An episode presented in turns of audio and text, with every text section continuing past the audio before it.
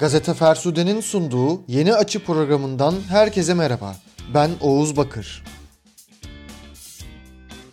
Bu hafta sizlere Journal.com.tr'de kaleme aldığım hiçbir internet sitesi ve domain kullanmadan WhatsApp üzerinden nasıl blog açılacağını anlatacağım.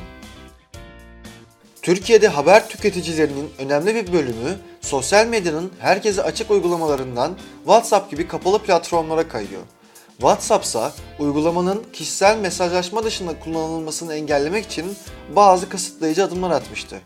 Peki WhatsApp'ta haber bülteni ve blog yayını nasıl yapılıyor? Financial Times neden WhatsApp için 5 kişilik bir ekip kurdu ve The Economist niçin artık Line'i tercih ediyor gibi sorulara cevap vereceğim.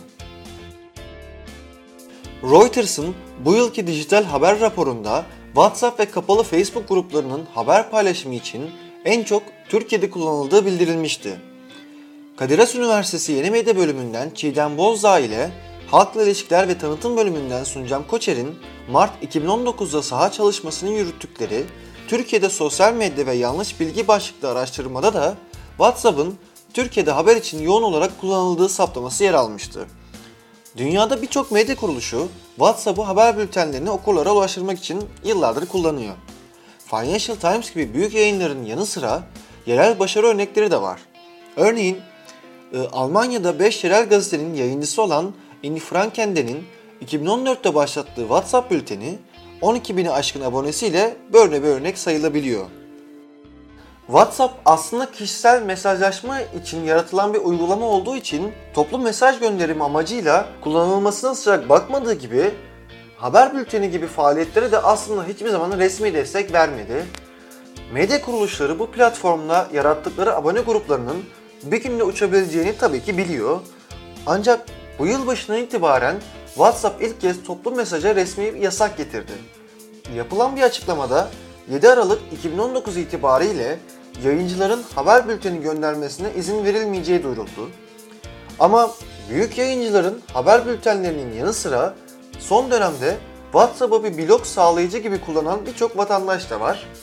WhatsApp'ın çok büyük olmayan gruplara ifade ve medya özgürlükleri gereği göz devam edeceği tahmin ediliyor.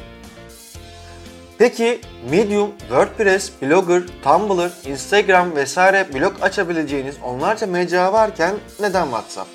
Çünkü tasarımdı, kodlamaydı ki bazen kodlama gerçekten gerekiyor. Bunlarla uğraşmamak için en kullanışlı ve kolay alternatiflerden biri. Peki WhatsApp'ta nasıl blog oluşturulur? Öncelikle yapmanız gereken bir grup kurmak. Grubun, daha doğrusu bloğunuzun ismini belirleyin. WhatsApp ana ekranında yer alan 3 nokta işaretine ve yeni grup sekmesine tıklayarak grubunuzu oluşturun. Dilerseniz telefon listenizdeki herkesi bu gruba ekleyebilir veya kişileri tek tek kendiniz seçebilirsiniz. İsterseniz etkileşim ile yönetebilir, isterseniz sadece yayın yapabilirsiniz. WhatsApp blog yazılarınıza ilişkin tartışma ortamı sağlayacak bir mecra olabilir.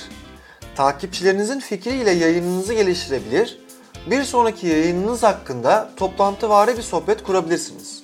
Ancak ben sadece yayın yapacağım, listemdekiler de beni ve yayınımı sadece takip etsin diyorsanız takipçileriniz istediği sürece elbette bu da mümkün.